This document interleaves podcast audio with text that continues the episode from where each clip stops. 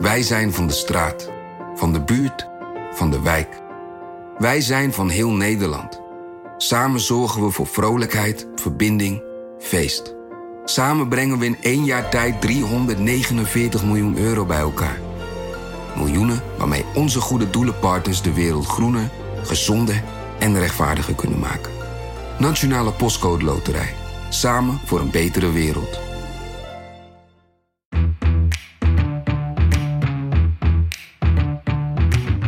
Dit is Haagse Zaken. Mijn naam is Lemia Aharouai. Burgemeester zijn, dat houdt al lang niet meer in dat je alleen af en toe een lintje doorknipt of meneer en mevrouw Jans een bezoekje brengt als ze 50 jaar getrouwd zijn.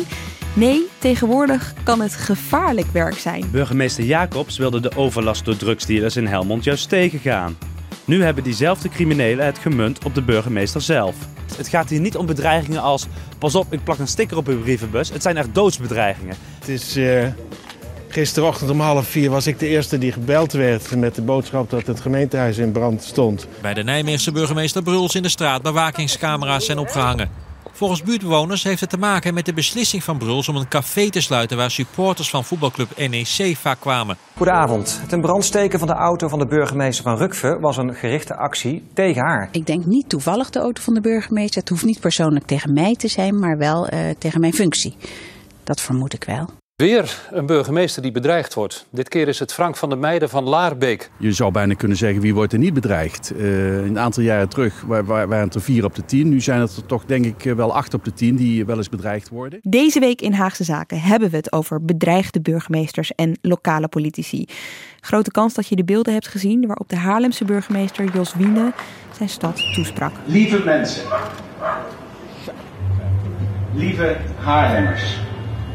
Bedankt voor dit geweldige hart onder de riem. Voor mij, voor mijn familie om mij heen. Het is echt hartverwarmend en ontzettend fijn om te merken nu, maar ook de afgelopen periode, dat er zoveel mensen zijn die je um, steunen en die je bemoedigen. Dat geeft de burger moed. Of in dit geval de burgemeester moed. Ik ben trots op ons mooie Haarlem en op de Haarlemmers. Bedankt. Bij de manifestatie kreeg burgemeester Wiene ook steun uit Haagse Hoek. Minister Ollongren van Binnenlandse Zaken, die was er ook. Omdat wij allemaal hetzelfde zeggen, handen af van Jos Wiene. Wie aan onze burgemeester komt, komt aan ons. En dat brengt ons op de vraag: valt dit eigenlijk tegen te houden? En wat zijn de gevolgen van bedreigingen aan het adres van politici voor het lokaal bestuur? Bij mij aan tafel Pim van den Dol, politiek redacteur. Jij hebt Binnenlandse Zaken in je portefeuille. En uh, daar vallen de burgemeesters onder, hè? Ja, klopt. Ik volg alles rond het openbaar bestuur, dus ook uh, de burgemeesters. En Clara van der Wiel, voor de binnenlandsredactie werk jij uh, tegenwoordig. En jij weet alles van lokale politiek. Ja, nou ja, alles. Ik, uh, ik hou me er in ieder geval uh, vaak mee bezig. Ja. Ik zie jou wel als de vraagbaak voor lokale politiek. Oh, dus nou ja, dat, dat doet me natuurlijk deugd. dat je alles weet. Hey, we gaan het hebben over een ernstig onderwerp. Over de bedreiging van landelijke politici. Dus actueel, want je hoorde het net al eventjes. De Haarlemse burgemeester Jos Wiene is ondergedoken. Wordt zelfs al een tijdje bewaakt. Ook tijdens zijn deelname aan Swim to Fight Cancer heeft Wien een beveiliging mee. Een van de zwemmers is, uh, is ook een agent. Ja. Dus uh, je hebt constant mensen die uh, voor je veiligheid zorgen. Dat geeft ook wel een veilig gevoel. Ja. ja dus. En wat is nou precies de dreiging? daar mag ik niks over zeggen. Nee. Voor de duidelijkheid, we hebben het in dit geval dus over lokale politici. En dat heeft wel een paar goede redenen, toch Clara? Ja, ik denk dat um, de bedreiging van de landelijke politie, dat is natuurlijk al wel, dat, dat is veel, vaak behandeld en dat, dat is nog steeds een probleem. Uh, niet als Geert Wilders, die natuurlijk permanent zwaar beveiligd moet worden door die bedreiging. En zo zijn er meerdere politici die veel bedreigd worden en ook af en toe daardoor uh, beveiligd mm -hmm. moeten worden. Ik denk dat het goed is om een onderscheid te maken tussen uh, dat, dat soort meer echt bedreigingen gericht op waar iemand voor staat, zoals Wilders of, of Rutte of Pechtold. Mm -hmm. um, Ehm, of ehm, meer de instrument, ja, instrumentele bedreigingen die je veel meer op lokaal niveau ziet. Dus echt iemand die bijvoorbeeld benadeeld wordt door de verbreding van een weg. Of die een hennepkwekerij heeft, die wordt opgerold. En die echt door zo'n bedreiging zijn eigen, zijn eigen ja, belang probeert uh, veilig te stellen. Ja. Dus dat, is, uh, dat heeft veel meer echt een heel directe reden waarom iemand bedreigd wordt. Ja, ja. ja. Laten we eerst het probleem vaststellen, want we hebben het nu over uh, bedreigde lokale politie. Uh, Pim, jij hebt de cijfers. Ja, dat klopt. Uh, in, het opdracht, in opdracht van het ministerie van Binnenlandse Zaken verschijnt er ieder twee jaar een onderzoek naar hoe het staat zeg maar, met de bedreiging van politie en bestuurders. Het wordt sinds 2010 bijgehouden. De agressiemonitor. de agressiemonitor heet hij inderdaad. En daar blijkt uit um, dat het nou in 2010, 2012 uh, wel op een behoorlijk hoog niveau lag eigenlijk. Uh, ruim 30% gaf toen aan bedreigd te worden. In 2014 zag je opeens een sterke daling, maar de afgelopen jaren is het wel weer aan toenemen. Dus ook de laatste twee jaar uh, gaf aan 29% aan dat ze ermee te maken hadden. Dus we hebben het ongeveer over een derde van de politie en bestuurders. en dat is dus overal, hè? Ja, klopt. Dus dit gaat zowel over um, burgemeesters, wethouders, raadsleden. Maar er zijn nog wel leuke onderlinge verschillen. Uh, bijvoorbeeld bij raadsleden is het de afgelopen twee jaar uh, behoorlijk toegenomen. Van 24 naar 28 procent. Bij wethouders is het ook toegenomen. Maar bij de burgemeesters uh, is er juist sprake van een forse daling. Oh. van 55 naar 43 procent. dus dat is in alle, nou ja, commotie natuurlijk nu rond Jos Wiene wel een, uh, wel een opmerkelijk dat, gegeven, dat heeft maar wel, wel een duidelijk, ja, dat ja. heeft wel een hele duidelijke verklaarbare reden. Want de, de vorige monitor die is uh, eigenlijk net afgenomen nadat uh, de AZC's overal moesten worden geopend. In, naar aanleiding van nou ja, de grote stroom asielzoekers die in, mm -hmm. in 2015 naar Nederland kwam. En dat heeft gewoon heel veel ja, bedreigingen, ja, die hebben dit met zich meegebracht. Dus de burgemeesters werden in 2015 gewoon bovenmatig veel bedreigd. Het grappige is dat, dit, dat dat natuurlijk eigenlijk het gevolg was van landelijk beleid. Hè? De spreiding van asielzoekers, die wordt ook voor een deel door het Rijk opgelegd. Maar uh, ja, dat toch dan de burgemeester daar. Uh, nee, het zijn een heel zichtbare. Ja, uh, ja. ja ik wil zeggen, dat is natuurlijk het gezicht dan, waar je het aanspreekpunt bijna, waar je dan op. Ja. Dus oké, okay, bij burgemeesters zien we een daling. Hoe zit het bij de rest? Bij wethouders bijvoorbeeld en raadsleden? Ja, daar, daar zien we dus een stijging, of dat mm -hmm. dat weer licht is toegenomen. bij wethouders bijvoorbeeld van 38 naar 40 procent. Um, uh, ja, en bij de, uh, de waterschappen, die, oh ja, die, vallen ook, onder, ja. onder het openbaar bestuur natuurlijk. zelfs mensen die daar werk doen voor het waterschap worden blijkbaar af en toe bedreigd. dat is wel een stuk minder dan als het gaat om, om provincie of gemeente. Um, maar uh, ja, nu gaf zo'n 9% aan van de mensen daar dat ze wel eens te maken hebben met, met bedreigingen. Weet dus je wel iets van de, de, afgelopen Opvallend, jaren de meeste mensen weten niet eens dat, dat ze bestaan. De, de, nee, nee maar het is ook wel. Uh, het, uh, het, het, lijkt weer af te nemen, dus dat is goed nieuws voor de, voor de waterschap. Maar ik kon ook zo snel uh, eigenlijk geen voorbeelden vinden van mensen bij het waterschap ja. die, die bedreigd werden. Zo van dus, versterkte nou ja, dijk of anders. Ja, het gaat inderdaad om dijkgraven ja. of mensen die daar gewoon een bestuurlijke functie hebben. Maar, ja. Dit, ja, we, we, kennen allemaal vooral hè, die vluchtelingencrisis. Toen was het ook echt een hot, uh, hot topic. Uh, dus we, we, kennen allemaal wel de voorbeelden. We hoorden ze net ook wel. Maar het zijn allemaal wel redelijk recente voorbeelden. Mm -hmm. Clara, is dit iets van alle tijd? Um, in principe, ja, bedreigen van politie is in principe wel iets van alle tijden. Ja, precies. Maar... Er zijn wel uh, inderdaad, zoals, je, zoals we net zeiden, er zijn er golven. Hè? Dus je zag bijvoorbeeld zo'n golf uh, tijdens, de, uh, ja, tijdens de asielcrisis in 2015. Um, ik denk dat op landelijk niveau is het heel duidelijk dat er een flinke golf was na de moord op Pim Fortuyn in 2002. dus in die periode van de moord op Fortuyn, in de periode van de moord op Theo van Gogh. Het was een periode waarin het heel heftig, heel heftig aan toe ging in de Nederlandse politiek. En dat bracht heel veel bedreiging en en beveiligingssituaties ook met zich mee. Ook op lokaal niveau? Uh, nee, dat, dan heb ik het nu echt heel erg heel duidelijk over, over landelijk. Op lokaal niveau um, is het eigenlijk altijd al wel. Uh, ik denk dat landelijk veel, veel duidelijker is geworden na 2002 dat mm -hmm. dat heel erg is toegenomen. Op lokaal niveau is dat niet zo duidelijk te zeggen, want er zijn ook een heleboel voorbeelden al wel uit de jaren 80 en 90 van uh, nou ja, wethouders die door de lokale criminele club worden belaagd of burgemeesters die die een steen door de ruit krijgen. Dus in die zin is dat wel Was iets... de dreiging wel anders? Of de dreigementen die het is heel lastig ook om die vergelijking te maken. Omdat ehm, het ook wel heel erg lang not done is geweest in Nederlandse politiek om daarover te praten. Dat werd ook, is, wordt nog steeds afgeraden om daar heel openlijk over naar buiten te treden. Dat is ook landelijk nog steeds wel enigszins not done om daar eh, voortdurend eh, over naar buiten te treden. En ook over beveiligingsmaatregelen. ehm, daar laat men eigenlijk ook zelden iets over los van wie Mhm. nou precies wordt beveiligd. Hoe die beveiliging er precies uitziet, dat is ook logisch. Want het speelt natuurlijk criminelen in de kaart om daar al te veel over te vertellen. Dus pas als dat heel zichtbaar wordt, zoals bijvoorbeeld nu in Haarlem. Dat is bijna militair. Ja, Ja. precies. Als iemand moet meezwemmen met zo'n zwemtocht, dan, dan is het zo duidelijk, dan kun je daar niet langer over zwijgen. Maar over het algemeen vinden bestuurders en, en politici het prettiger om daar niet eh, al te openlijk over, over te spreken. Ik denk wel dat het nu zo zichtbaar is, hè, zoals bijvoorbeeld nu in, in Haarlem. Dat laat denk ik wel zien dat die bedreigingen toch wel in veel gevallen een stuk heviger zijn Ja. eh, dan in het verleden. Hè. Dat Dus is waar, eh, maar bijvoorbeeld in 1985 is er ook een, eh, een bom vereideld in de, in de woning van, eh, van Ed van Duin, de burgemeester van, eh, van Amsterdam, op dat moment. Eh, nou, in, in, in Moordrecht is in 2003 het huis van de burgemeester in brand gestoken.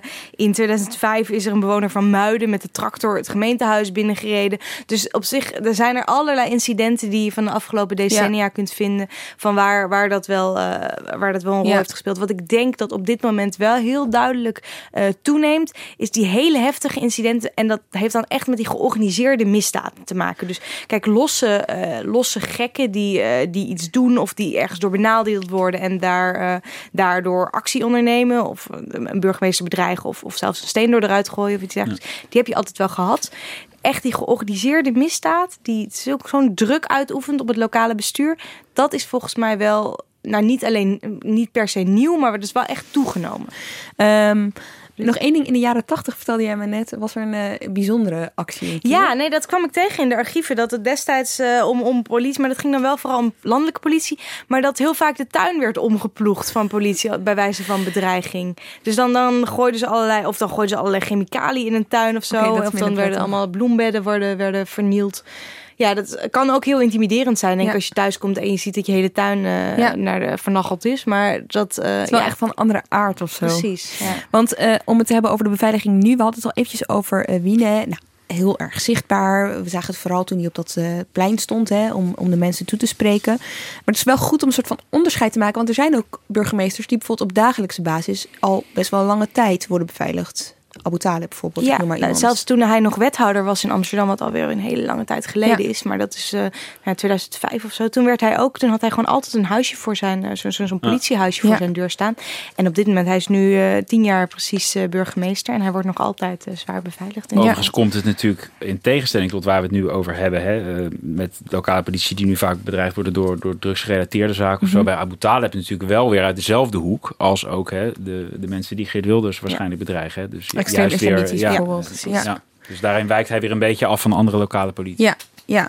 Want wat- ja, het is natuurlijk, het wordt allemaal geheim eh, gehouden. Dat zei je net al, Clara, Mhm. weet je wel, wordt een beetje eh, moeilijk over gedaan, maar eh, begrijpelijk ook wel. Maar valt er, hebben we een idee van hoeveel burgemeesters nou eigenlijk ook echt beveiligd worden? Of Dat is, ja, er is niet, het wordt niet in een soort van database Nee, bijgehouden. nee. De enige manier waarop mij een beetje gelukt is om zicht te krijgen, is gewoon in de krantenarchieven zoeken. Omdat Mm. vaak als iemand beveiligd wordt, dan wordt daar wel vaak wel of in de lokale pers of in de landelijke pers aandacht aan besteed. Mhm. En zo kun je wel enigszins een overzicht, eh, maar het is niet zo dat je een soort van iemand kunt opbellen van hé, hey, welke burgemeesters Nee. eh, worden op dit moment beveiligd. Dat, dat wordt allemaal heel, eh, heel geheimzinnig over gedaan. Pim, wat weten we eigenlijk? Is er een soort van protocol of iets waar we vanaf weten wat er gebeurt als je dus als zo'n lokale bestuurder eh, bedreigd wordt of je voelt je bedreigd? Wat, ja, wat kun je dan doen behalve de politie bellen? Ja, nou dat is dus wel stap 1. Dat is eh, heel belangrijk. Je moet eerst aangifte gaan doen, ook al ben je gewoon burgemeester. Eh, dan eh, nou ja, wordt de dreiging zeg maar, geanalyseerd van hoe ernstig is het. Mhm. En dat krijgt de betrokkenen dan ehm, wel of niet eh, zelf te horen. Want Oh. ik geloof dat het hier bij Jos Wiene, maar dan moet ik even kijken of, we dat, of dat inmiddels volgens mij...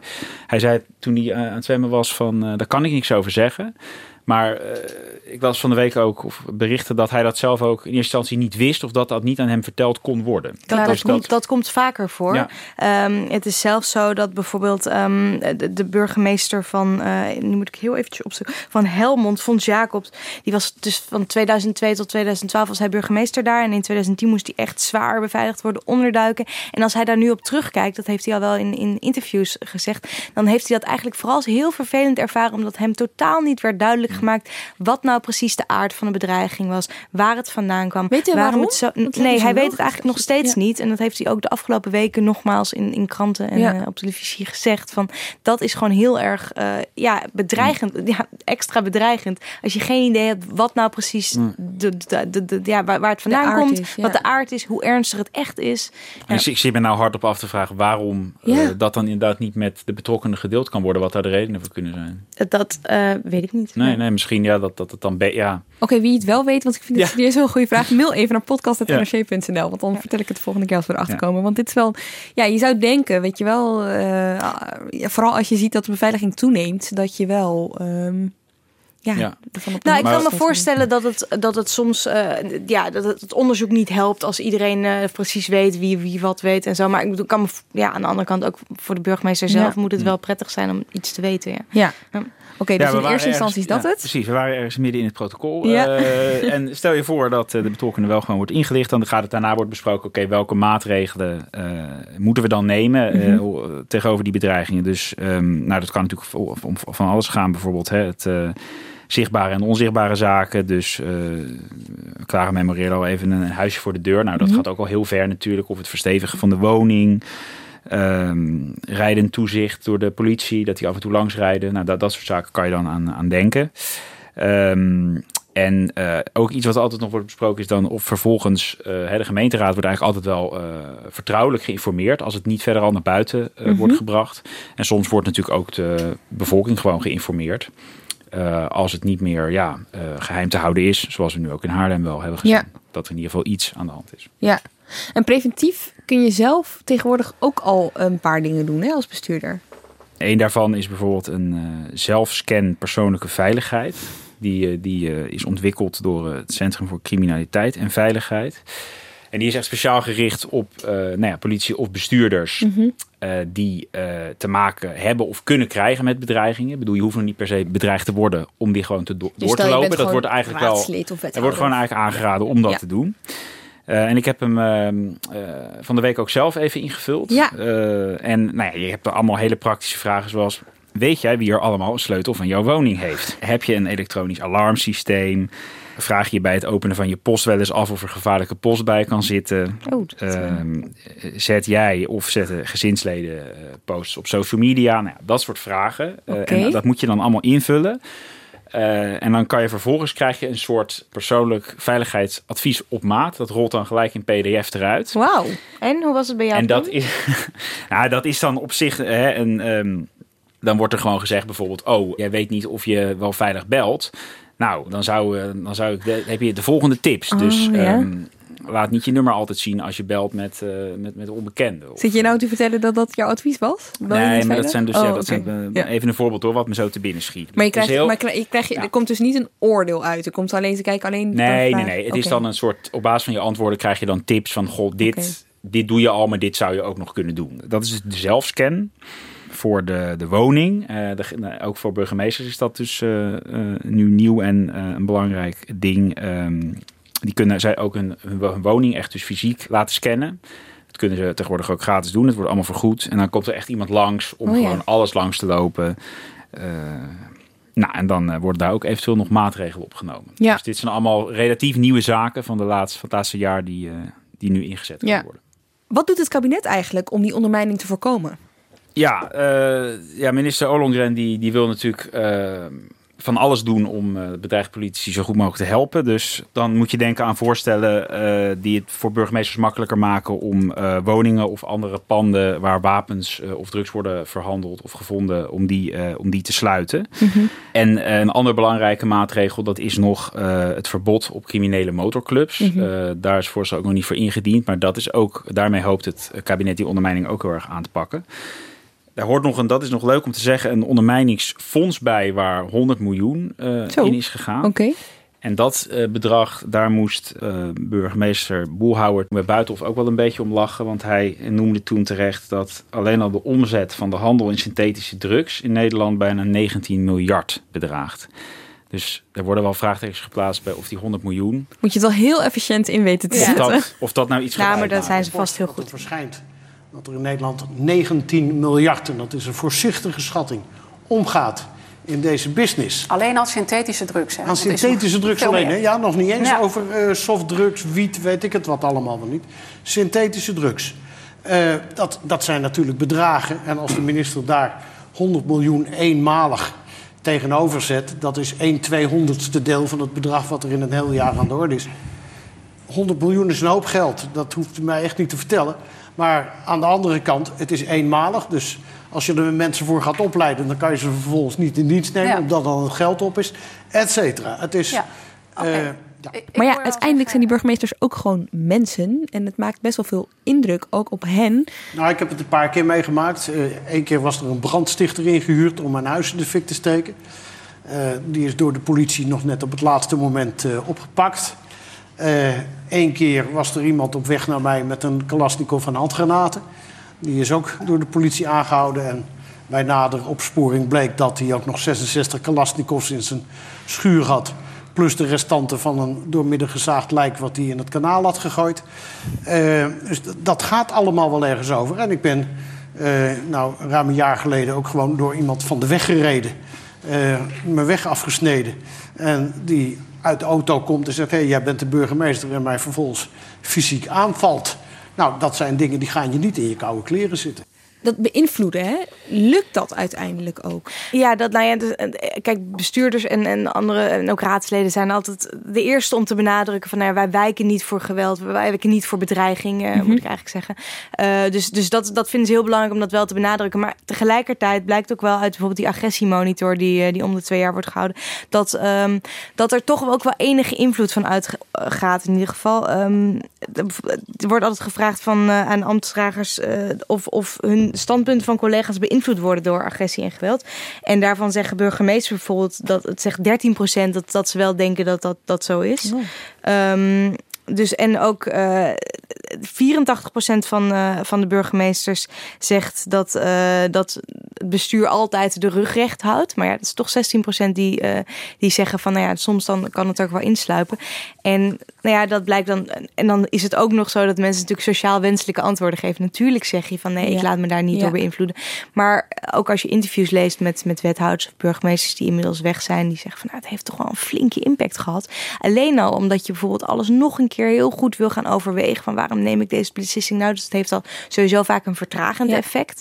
Ehm, nou ja, er zijn ook wel gevallen van wethouders die, die zoiets hadden van ik heb er gewoon geen zin meer in. Als het op deze manier moet, dan, dan treed ik af. Nou ja, dat is natuurlijk ook wel een extreem eh, gevolg van, eh, van, zo'n bedreiging.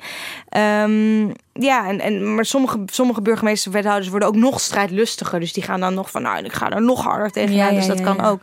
Maar ik denk dat het, eh, het, het is uitgesloten dat het geen invloed heeft. Want zeker als je bijvoorbeeld met je hele gezin moet onderduiken. Ik bedoel, eh Fons Jacobs moest naar Turkije. eh, dus dat, dan moet dan je hele leven gaat op de schop. Je kunt ook minder goed contact houden met je collega-wethouders. Of met, met als burgemeester met je wethouders en met je, met je staf. Dus dat, dat heeft ook invloed op je besluitvorming. Dus ja. Die invloed is er zeker. Ja. Weten we eigenlijk ook of zij ehm, een ander soort hulp krijgen? Dus los van beveiliging kan ik me voorstellen dat je ook wel gewoon met iemand wil praten of zo. Ik heb, het, ik heb ook begrepen dat Olon Ren, die dus heel veel maatregelen wil nemen om het allemaal, te, ja, om het allemaal steviger aan te pakken, die wil ook meer nazorg gaan regelen. hè? Ja. Want dat, daar schort het nu soms ook nog wel eens eh, aan. Dus dat burgemeesters zich toch een beetje in de steek Ja. laten voelen. Ja, soms. klopt. Nee, een van de maatregelen eh, is nog dat er een eh, ondersteuningsteam weerbaar bestuur nu is ingesteld. Ja, al Mhm. deze, sorry voor al deze ambtelijke termen. Maar, eh, en dat gaat per 1 januari 2019 gaat dat echt beginnen. Eh, en daar kunnen dan bedreigde eh, bestuurders, politici aankloppen als zij inderdaad ja, er- ervaringen van andere oud-bestuurders die zitten in dat team. Die kunnen ze dan mee nou, kennis en ervaringen delen. Eh, ja, welke nazorg je inderdaad kan, kan Ja. zoeken. Hoe je de bewoners wel of niet moet informeren of meenemen Ja. Dus eh, dat is ook nog een soort soft... eh, Ik kan me ook wel voorstellen dat die burgemeesters onderling ook wel contact met elkaar hebben. of Ja, zo, dat- dat gebeurt ook wel, dat hoor je ook wel, hoor. Ja, Ja, zeker. Hey, en ehm, wat interessant is, is dat de rol van burgemeesters nu ook ter discussie staat. Eh, parallel hieraan zou je kunnen zeggen. Hè? Want we hebben het al een paar keer over gehad. Eh, vaak komen tegenwoordig dit soort bedreigingen uit één hoek, namelijk die van de georganiseerde misdaad. Goed om te vermelden dat dat bij Jos Wien helemaal niet is gecommuniceerd of dat ook echt zo is. Maar Nee, we hè, niet, we nee. weten dat hij behoorlijk hard is, eh, ja, hard optreedt tegen die georganiseerde misdaad. En dat het dus waarschijnlijk daar vandaan komt. Ehm, maar Pim, vertel even over die discussie over de rol van burgemeesters nu. Nou, ja, de- deze week in de Tweede Kamer kwam dat ook uitgebreid eh, aan bod bij de begroting eh, Binnenlandse Zaken. Eh, nou, kijk, de burgemeester heeft steeds meer ehm, bevoegdheden en taken gekregen die te maken hebben dus met het bestrijden van, Mhm. die, van die criminaliteit, hè, van die echt die grootschalige criminaliteit. En daardoor heeft hij nu echt het karakter ook wel van een soort van, van crime fighter. Hij kan eh, bepaalde panden sluiten als daar inderdaad eh, in drugs eh, wordt gehandeld of ligt, op, ligt opgeslagen. Gaat natuurlijk over vergunningen voor de horeca, coffeeshops. Nou, dan kom je natuurlijk allemaal ja, Ja. criminelen eigenlijk op je pad. Of daar neem je dan maatregelen tegen die da- jou dat niet echt in dank afnemen. Ja.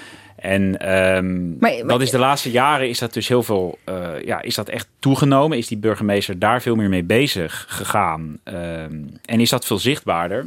Ja, en dat leidt er nu toe dat eh, de discussie gaat er nu over: van, is het nou wenselijk dat die burgemeester dus het boegbeeld is van die strijd tegen die zware criminaliteit? En is dat niet veel meer de taak van politie en justitie? En moeten die niet ook veel meer in de, in de, dus in de publiciteit en zichtbaarheid daar de strijd tegen aanvoeren? Ehm, Deze week was eh, dus de begrotingsbehandeling van Binnenlandse Zaken. Onder andere Ronald van Raak van de SP, Kamerlid, bracht dit ter sprake. De, de discussie over de burgemeester eh, gaat nu toch een beetje ontstaan. Eh, de kwetsbaarheid, de taken die hij heeft. En ik zie hier wel toch wel een, een, een, een tegenstelling eh, tussen de burgervader en de crimefighter. En kan de minister in haar nadenken, want ze zal hier ongetwijfeld over gaan nadenken, er zal ongetwijfeld nog ergens een stuk komen of een visie of een idee, kan ze daarin meenemen dat die bestuurlijke eh, taken die hij heeft, die bestuurlijke maatregelen die de burgemeester moet nemen, ja, dat die ooit besloten is om die bij de burgemeester te leggen, maar dat die ook ergens anders belegd kunnen worden. En dat je ook strafrechtelijke verantwoordelijkheden kunt hebben in plaats van al die bestuurlijke maatregelen. Ja. Is, is het takenpakket dan zo veranderd van burger? Weet je wel, want je omschrijft net, ze zijn er zich Ja, nog ja. steeds meer mee bezig gaan houden. Maar is dat een soort van, eh, ja, is dat vanzelf zo gegaan? Of is het gewoon Nee, echt- nee dat, is ook, de- dat is ook echt wel een deel voor, voor deel een politieke keuze geweest. Ehm, alleen ook dit kabinet kiest er dus voor om. Er zijn nu een paar wetsvoorstellen bijvoorbeeld ehm, in, in voorbereiding of in behandeling. Die Mhm. dus de bevoegdheden van de burgemeester juist in de strijd tegen de, de zware criminaliteit nog verder eh, uitbreiden. Ik denk Dus- ook dat dat voor een deel is het inderdaad een hele be- bewuste keuze geweest om, om die rol van hen eh, te, te vergroten. Aan de andere kant is het ook zo dat de drugscriminaliteit gewoon echt flink is toegenomen de afgelopen jaren. En dat ook de, de vermenging van de onder- en bovenwereld ehm, er ook wel voor zorgt dat om die criminaliteit aan te pakken, dat je ook veel, veel meer, veel, je, je palet eigenlijk moet verbreden van, van maatregelen die je kunt nemen. En daarmee komen er ook een heleboel meer bestuurlijke maatregelen die inderdaad burgemeesters kunnen nemen. Zoals het sluiten van bepaalde horecagelegenheden. Eh dat is eigenlijk een maatregel die heel bestuurlijk is. Maar die dus ook wordt eigenlijk verbonden met dat strafrecht van de aanpak van de, van de criminaliteit. Precies, en het- heel veel burgemeesters zeggen ook, eh, hè, het, het is en en en. We moeten al die verschillende soorten maatregelen juist eh, kunnen nemen. Dat heet dan weer met een heel vies woord eh, integrale aanpak. Maar dus inderdaad niet alleen de strafrechtketen, maar inderdaad ook bestuurlijke maatregelen, milieu, de milieudienst. ehm, Ja. Als het gaat natuurlijk ook om, om drugs en drugsafval. Dus van alles, ja, Maar- tegelijk eigenlijk. Maar hier zijn burgemeesters zelf behoorlijk verdeeld over. Hè? Eh, Ja, want zeker. het zijn, ja. Nee, dat, dat is eh, volgens mij is het ongeveer de even grote groep die het wel, eh, die eigenlijk zegt van, er is een groep die zegt van, nou, dit is heel belangrijk dat wij dat doen. Die criminaliteit is toegenomen, die onder- en bovenwereld zijn totaal verstrengeld geraakt. Dus de enige manier waarop we die criminaliteit kunnen aanpakken, is door ook gewoon het hele palet van maatregelen te gebruiken. Dus inderdaad het afsluiten van, van, van woningen, van, van horecagelegenheden. Door echt voor zorgen dat dat wordt ingedampt. Aan de andere kant heb je ook een groep die zegt, nee, daar zijn wij niet voor.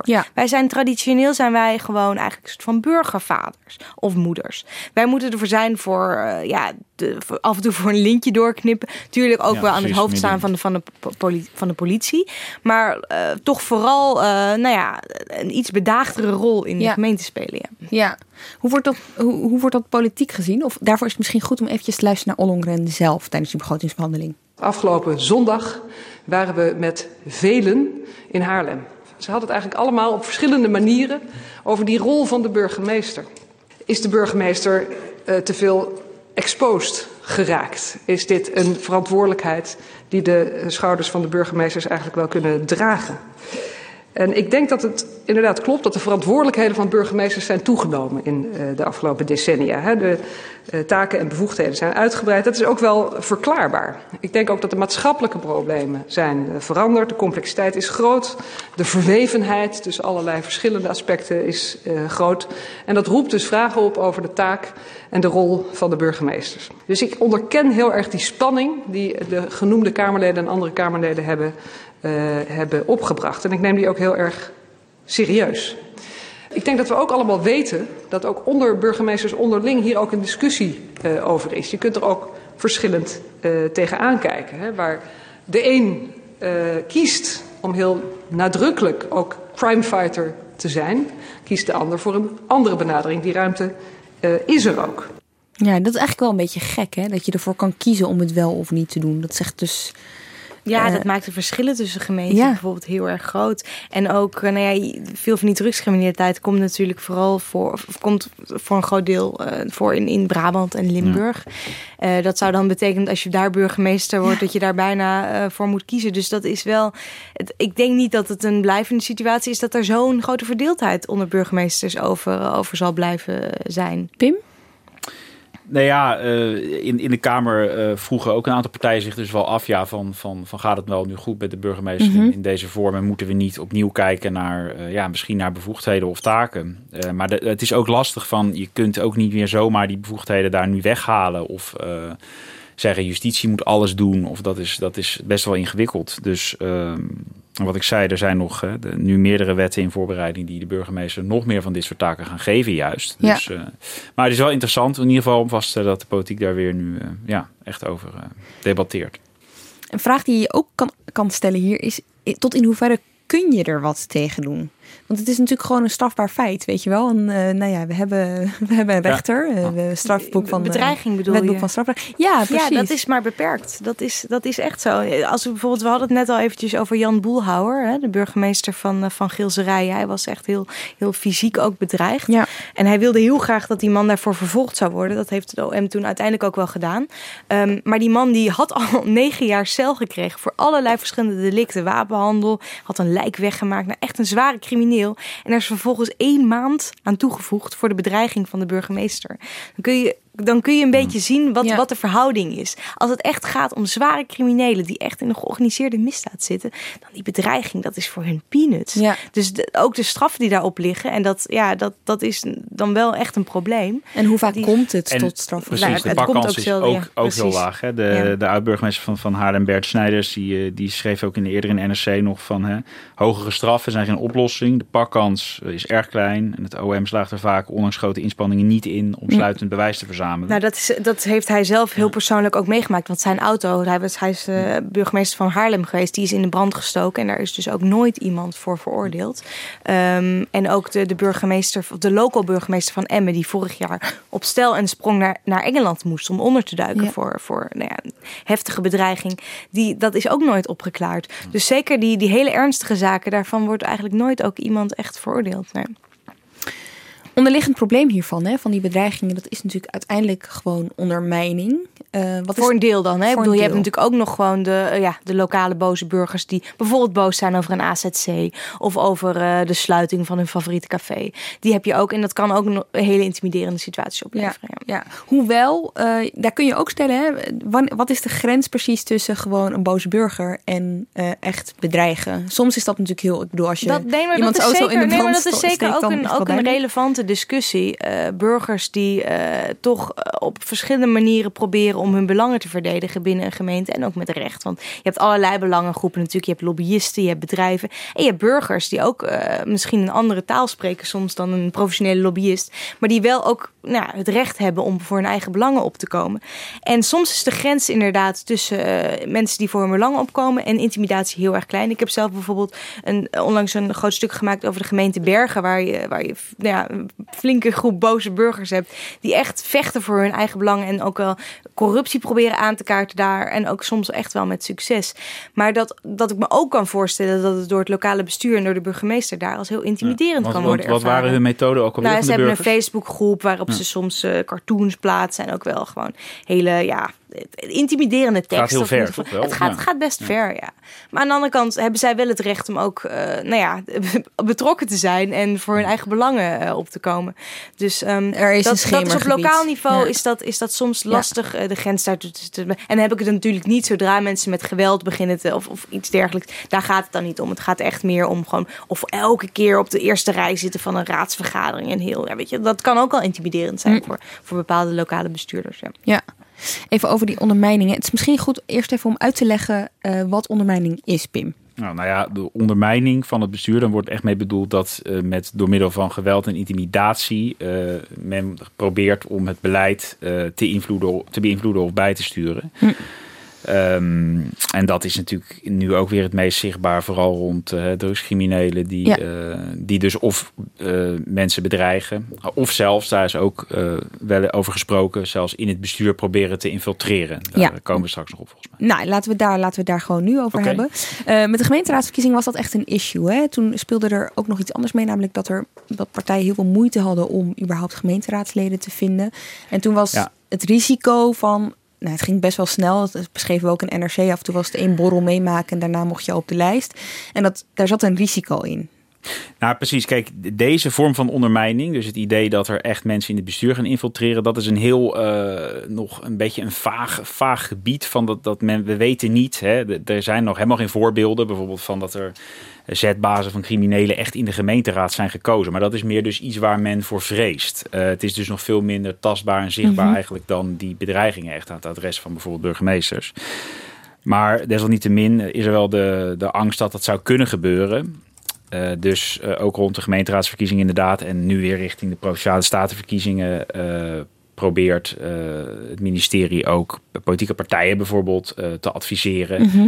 hoe, hoe kan je hier nou voor waken? Wat kun je eh, ja, doen om te voorkomen dat verkeerde criminele types op de kandidatenlijst komen? En daar zijn dan verschillende adviezen voor. zoals nou ja, natuurlijk heel goed mensen screenen. Eh, heel uitgebreid met mensen praten. En ze niet na een bol eh, al eh, op je lijst te zetten als dat inderdaad blijkbaar gebeurt. Ja, maar heel, heel. Dus dit was echt een heel groot issue. We zijn nu eh, hoeveel maanden verder van de- sinds Nou, meer dan een half jaar Meer dan een half ja. jaar. precies. Is er echt, weet je, is er echt actie op ondernomen? Nou, ik, kijk, ik ken nogmaals nog steeds geen voorbeelden waarbij we ook nu in een gemeenteraad bijvoorbeeld weten van eh, er zijn echt verkeerde types gekozen. Nee, maar andersom. Dus vanuit Den Haag, weet je wel? Eh, Want ik weet, dat was hier speelde toen ook enorm. Ik wijs nu trouwens naar het Binnenhof. Eh, Ja, ja. maar heeft Ollongren daarna echt naar gekeken? Nou, zij heeft meer, en dat, was, dat had ze al dus voor de gemeenteraadsverkiezingen ook gedaan, eh, een soort van eh, ja, adviezen of handvatten willen aanreiken aan wat lokale partijen eh, kunnen doen, zeg maar, om, Mhm. om deze dreiging tegen te gaan. Ehm, Want hoe zit het nu? Volgens mij, wethouders moeten wel een verklaring omtrent het goed gedrag. Nou, eh, zij, de, de minister heeft eh, voor de zomer een eh, wetsvoorstel aangekondigd om die verklaring omtrent het gedrag bij wethouders te gaan verplichten. Mhm.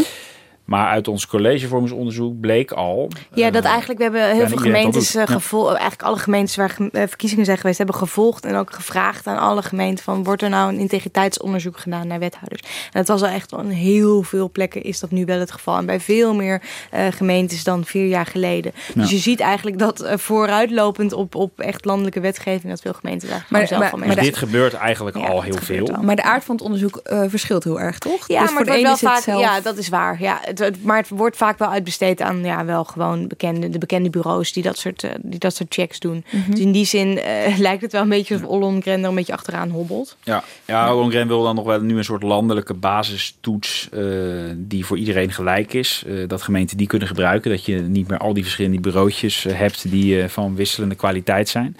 Maar we komen nu eigenlijk, we zijn nu eigenlijk langzaam meer aan het praten ook hè, over integriteit Mhm. van, van, van bestuurders. Um, het is denk ik nog weer net iets anders dan dat je echt die infiltratie van criminelen. Maar ja, daar is nogmaals zijn. Het is ook een mij nog schemergebied steeds in geen, principe. Ja. geen aanwijzingen voor dat, uh, ja. dat uh, de Hells Angels zitten nog niet in de gemeenteraad, voor zover ik weet. Wat ingewikkeld is hè, bij bijvoorbeeld wethouders, raadsleden, uh, die um, niet helemaal integer, want je had het net over integriteit, Pim, uh, mm. in die raad zitten, is dat er vervolgens heel moeilijk, het blijkt het heel moeilijk te zijn om in te grijpen. En een goed voorbeeld daarvan is uh, Jo Palme. Wat gebeurde daar ook weer? Ja, uh, Jo Palme die uh, was heel lang politicus in Brunsum, al tientallen jaren. en een behoorlijk omstreden figuur. ook al alleen door zijn omgangsvormen, dat hij regelmatig tierend in de raadzaal zat en collega's uit, uitschold voor mm -hmm. varkenskop en dat soort dingen. Uh, en uh, hij dreigde vorig jaar uh, voor de zoveelste keer opnieuw wethouder te worden. Terwijl hij midden in een conflict met de gemeente zelf verwikkeld was over een gronddeal. En toen um, werden daar heel veel vraagtekens bij geplaatst. Eigenlijk vooral ook buiten Brunsum en ook hier in Politiek Den Haag.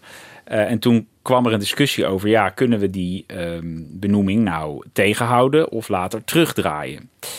Um, want de meerderheid in, het college, in de gemeenteraad van Brunsum wilde Palme gewoon benoemen. Omdat ja, hij de steun had van zijn eigen partij en ook de lokale partijen waarmee hij toen samen ja. zou gaan werken. Ja.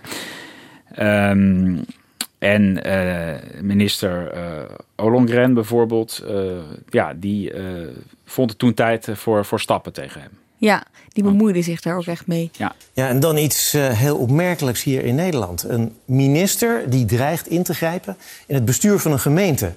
Minister Ollongren van Binnenlandse Zaken waarschuwt het gemeentebestuur van Brunsum in Limburg. Daar ligt een wethouder onder vuur omdat zijn integriteit in geding is.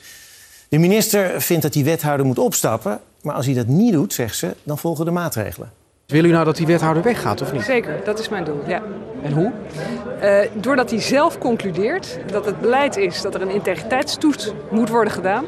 Er ligt een rapport waaruit blijkt dat er een integriteitsprobleem is. Dan vind ik dat hij maar één conclusie kan trekken als wethouder en zeggen ik stap op.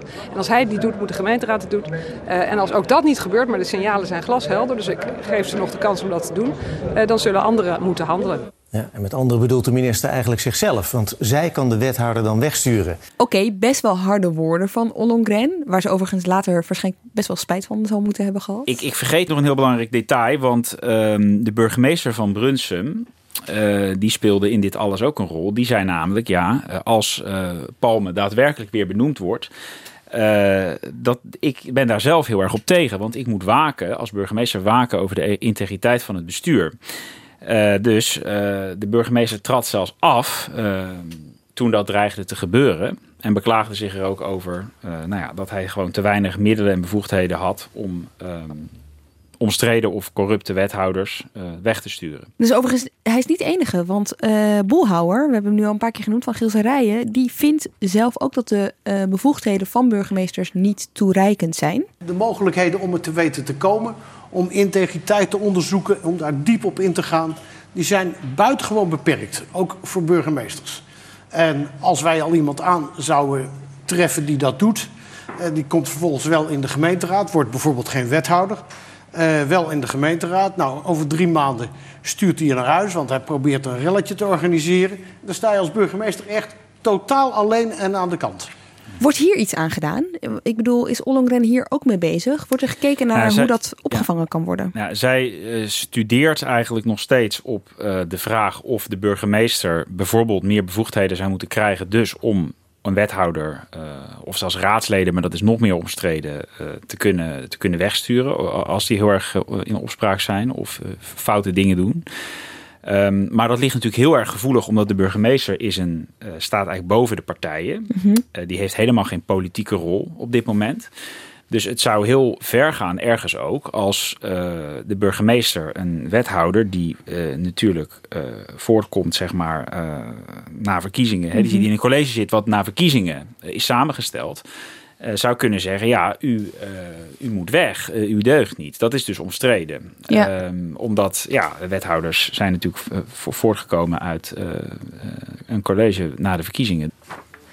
Oké, dus we hebben het gehad over uh, bedreigingen van burgemeesters. We hebben het gehad over ondermijning. En natuurlijk ook over takenpakket van burgemeesters. Ik wil nog heel veel kort ingaan over iets wat binnenkort weer gaat spelen. Waar wij het een tijdje geleden al over hebben gehad, Pim. En dat is de gekozen burgemeester. Even tussendoor, als je er alles van wil weten. Seizoen 2, aflevering 17 van Haagse Zaken. Dat gaat binnenkort spelen in de Eerste Kamer, hè, Pim? Ja, dat klopt. Um, het voorstel om de grondwet te wijzigen, om de benoemde burgemeester zeg maar, daaruit te schrappen, dat uh, komt uh, uh, volgende maand in de Eerste Kamer. Mm -hmm. En dat gaat het zeer waarschijnlijk halen. En dan krijg je de discussie weer terug over moeten we nu toe naar een rechtstreeks door de bevolking gekozen burgemeester. Mm -hmm. Want dat zou dan mogelijk worden met een hele gewone wetswijziging. En nou, het, het aardige is dat alles wat um, uh, ja, nu speelt rond die bedreigingen van burgemeesters uh, hè, en hun uh, taken en bevoegdheden op het gebied van integriteit en de aanpak van criminaliteit, mm -hmm. dat dat ook een rol in die discussie weer heel erg gaat spelen. veel burgemeesters vinden namelijk, die zijn natuurlijk sowieso tegen een gekozen burgemeester. Hè, want ze willen liever benoemd blijven, de ja. meesten. Waarom eigenlijk? Wat is uh, Nou, dat, kijk, zij vinden sowieso dat het, hoe het nu werkt... dat de burgemeester zo'n onpartijdige, niet-politieke rol heeft. Dat vinden de meeste burgemeesters vinden dat, dat dat zo moet blijven. Ja. Dus daarom zijn zij fan van de benoemde burgemeester. Maar uh, ik weet ook dat uh, veel burgemeesters het dus uh, lastig uh, zouden vinden als de burgemeester straks ook nog gekozen wordt, dat hij dan ook nog zeg maar, afhankelijk is van de kiezersgunst. En als je dan hele omstreden, vergaande besluiten moet nemen over criminelen en over -hmm. integriteit en de openbare orde, dan vrezen zij zeg maar, dat de burgemeester nog makkelijker ja, te manipuleren is Ja. als die bedreigd wordt. En ook Nog steeds meer in de maar- vuurlinie komt Precies, te nog liggen. meer in de Ja. vuurlinie komt te liggen. Want ook straks moet denken, ja, ik moet wel herkozen worden. Hè, zal ik dan toch niet even de, eh, die, die omstreden figuur bij de voetbalclub maar eh, Ja. bedienen? Dus je nou, kunt je ook is- voorstellen dat de discussie over ondermijning in het eh, lokale bestuur dan nog heviger wordt. Ja, want dan absoluut. zou je bij wijze van spreken ook een motorclublid eh, zich verkiesbaar kunnen stellen. Ja, of een zeer populaire ondernemer Ja, eh, uit een dorp. uit Ja, ja, gemeente. zeker, Ja, ja. ja, ja, oké. Interessant, dus dit gaat no- daar nog wel een staartje krijgen. Ja, absoluut. Ja. Dank jullie wel. Allebei Pim van den Dol en Clara van der Wiel. Dit was Haagse Zaken voor deze week. Volgende week zijn we er niet, want dan is het herfstreces. Maar in de tussentijd zijn er gewoon nog genoeg afleveringen die je terug kan luisteren. En die vind je allemaal op nrc.nl slash Haagse Zaken. Tot over twee weken.